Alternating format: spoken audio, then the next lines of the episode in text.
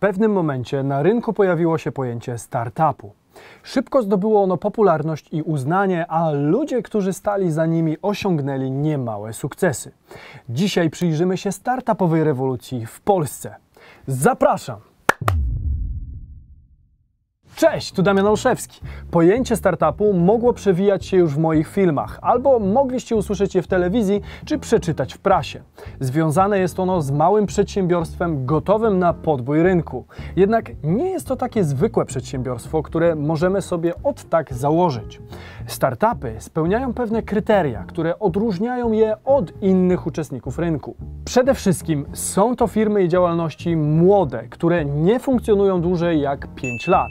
Do tego wykorzystują swoją nowość i starają się wdrażać nowoczesne i innowacyjne technologie, które mają zmienić rynek.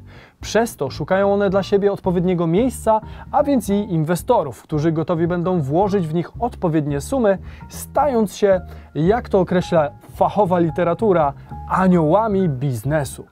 Jednak nie jest to inwestycja aż tak pewna, ze względu na to, że innowacje są ciężkie i nie zawsze aż tak udane, jak mogłoby się wydawać na pierwszy rzut oka.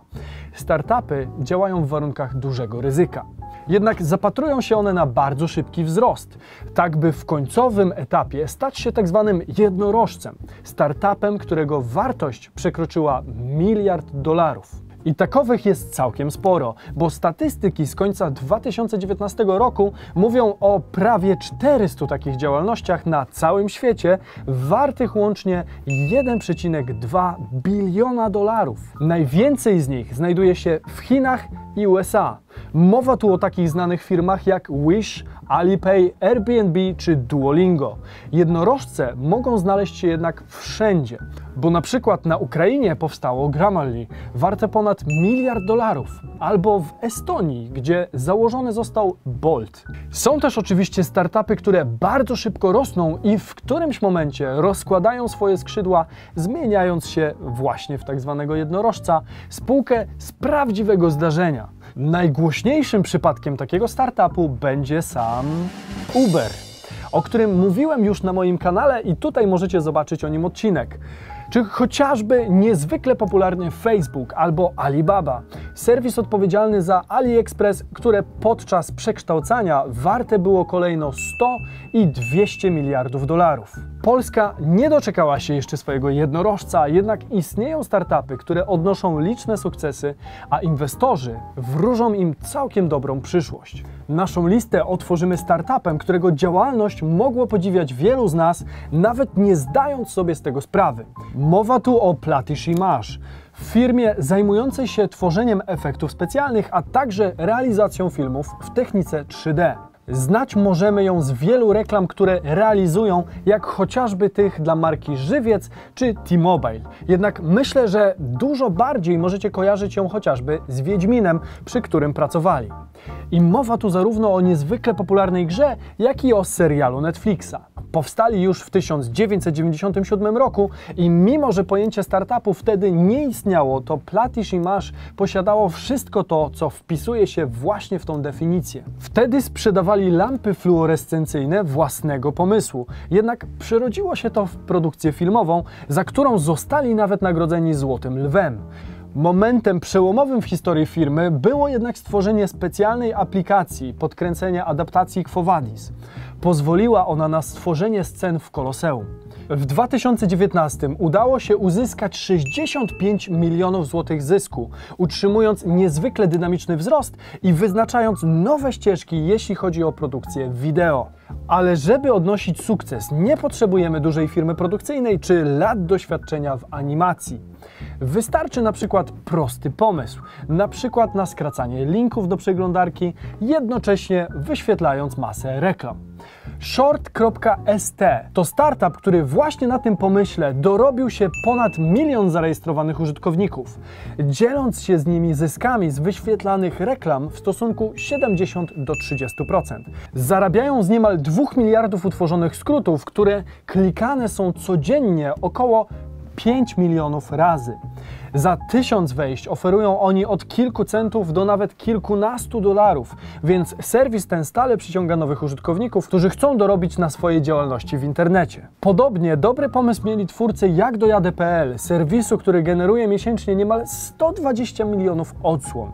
To bardzo prosta usługa, która pozwala nam na sprawdzenie rozkładu jazdy komunikacji miejskiej aż w 28 miastach. Sam startup triumfował już w 2008 roku, kiedy otrzymał on drugie miejsce w konkursie rozwiązań informatycznych DemoCamp. Już wtedy uznawano go za coś, co będzie w stanie zwojować cały rynek.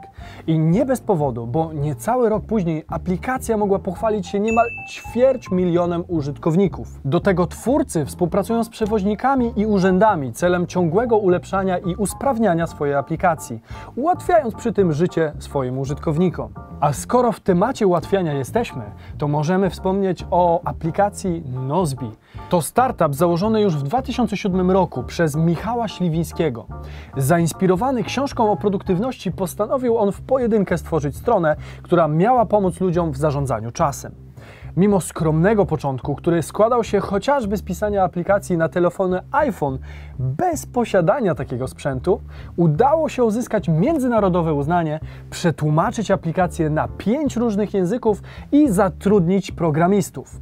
Sam założyciel pracuje nad projektem od samego początku i przy okazji jest on jednym z większych propagatorów produktywnego stylu życia i zwiększania produktywności poprzez używanie różnych narzędzi, nie tylko stworzonych przez samego siebie.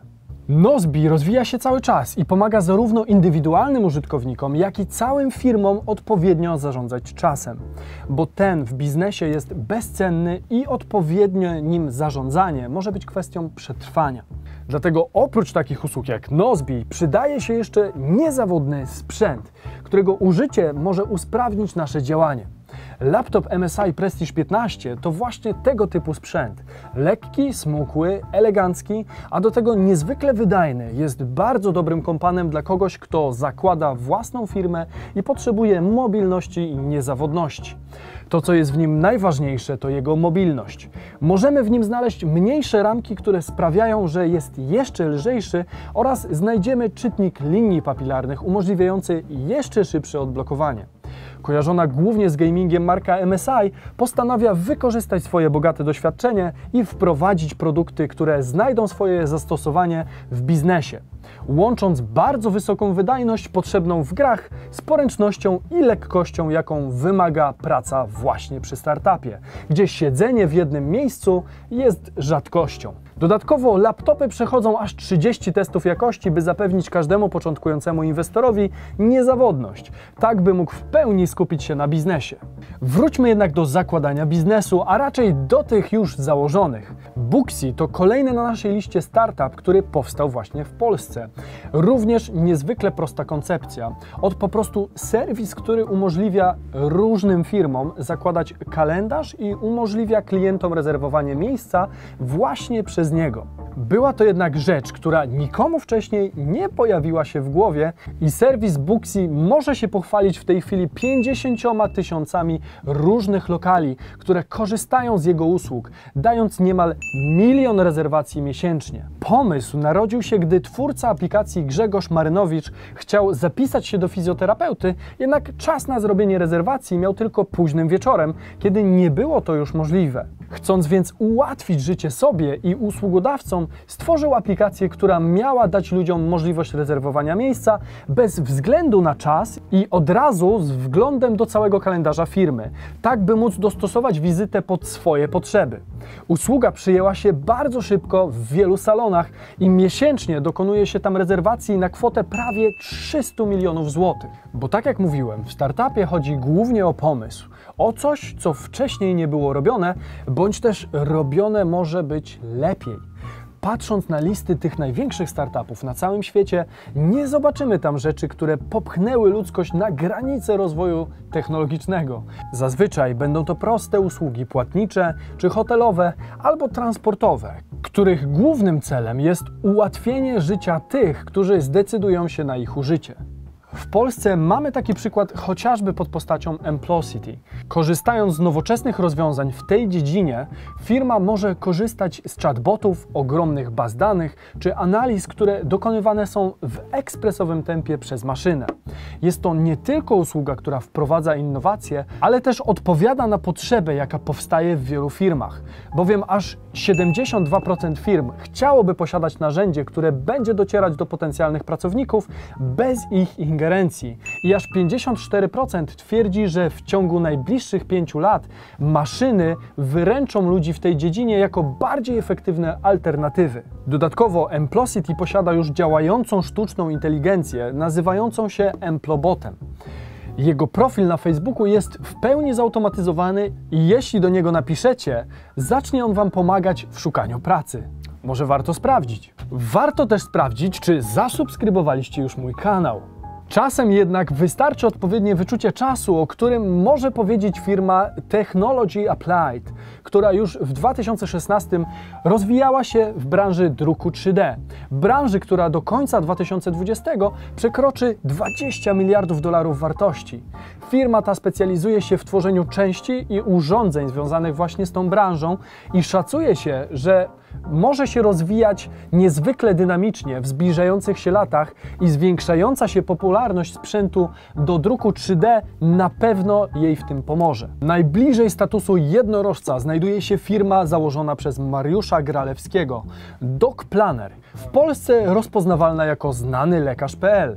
Firma skupia się na tworzeniu oprogramowania, które ma upłynnić ruch pacjentów, a także pozwolić lekarzom i całym szpitalom na jak najwydajniejsze działanie. Całkiem niedawno, bo pod koniec 2019 roku zdobyła ona inwestorów, którzy zainwestowali w jej działalność niemal 130 milionów euro. Wśród nazw inwestorów przewija się też chociażby Goldman Sachs, więc mówimy tu o naprawdę gigantycznym kapitale. Doc Planner działa w 20 krajach na świecie, w bazie posiada 2 miliony lekarzy, a z serwisu korzysta 30 milionów użytkowników. W samej tylko Polsce w 2017 roku firma osiągnęła 22 miliony przychodu, a patrząc na dynamikę wzrostu, w tym momencie jest to na pewno dużo więcej. Kończąc odcinek, warto wspomnieć jednak o jednej rzeczy, którą podnoszą co po niektórzy komentatorzy rynku. Chodzi tu o bańki startupowe, czyli o moment, w którym inwestorzy zaczną pompować nowe startupy kwotami dużo wyższymi niż wynosi ich faktyczna wartość. O ile Polsce taka bańka nie grozi, o tyle w Azji rynek ten staje się coraz większy i rośnie bez żadnej kontroli przy jednoczesnej stracie faktycznej wartości. Może to w efekcie doprowadzić do różnych ciekawych scenariuszy, jednak bańki na rynku to temat na zupełnie inną rozmowę. Rzecz jasna, to nie koniec startupów na polskim rynku. Istnieje ich bardzo dużo i wiele z nich zaskakuje swoją pomysłowością i kto wie, może w perspektywie kilku lat zobaczymy w naszym kraju kolejny sukces na miarę Alipay. Mi pozostaje tylko trzymać mocno kciuki za kolejne sukcesy. No i oczywiście poprosić Was o podanie jakichś ciekawych startupów w komentarzach, rzecz jasna po obejrzeniu kolejnych odcinków na moim kanale i zapoznaniu się z moim podcastem tutaj. Jeżeli podobał Wam się ten odcinek, to oczywiście zapraszam też do subskrypcji kanału. Do zobaczenia w kolejnym odcinku. Cześć!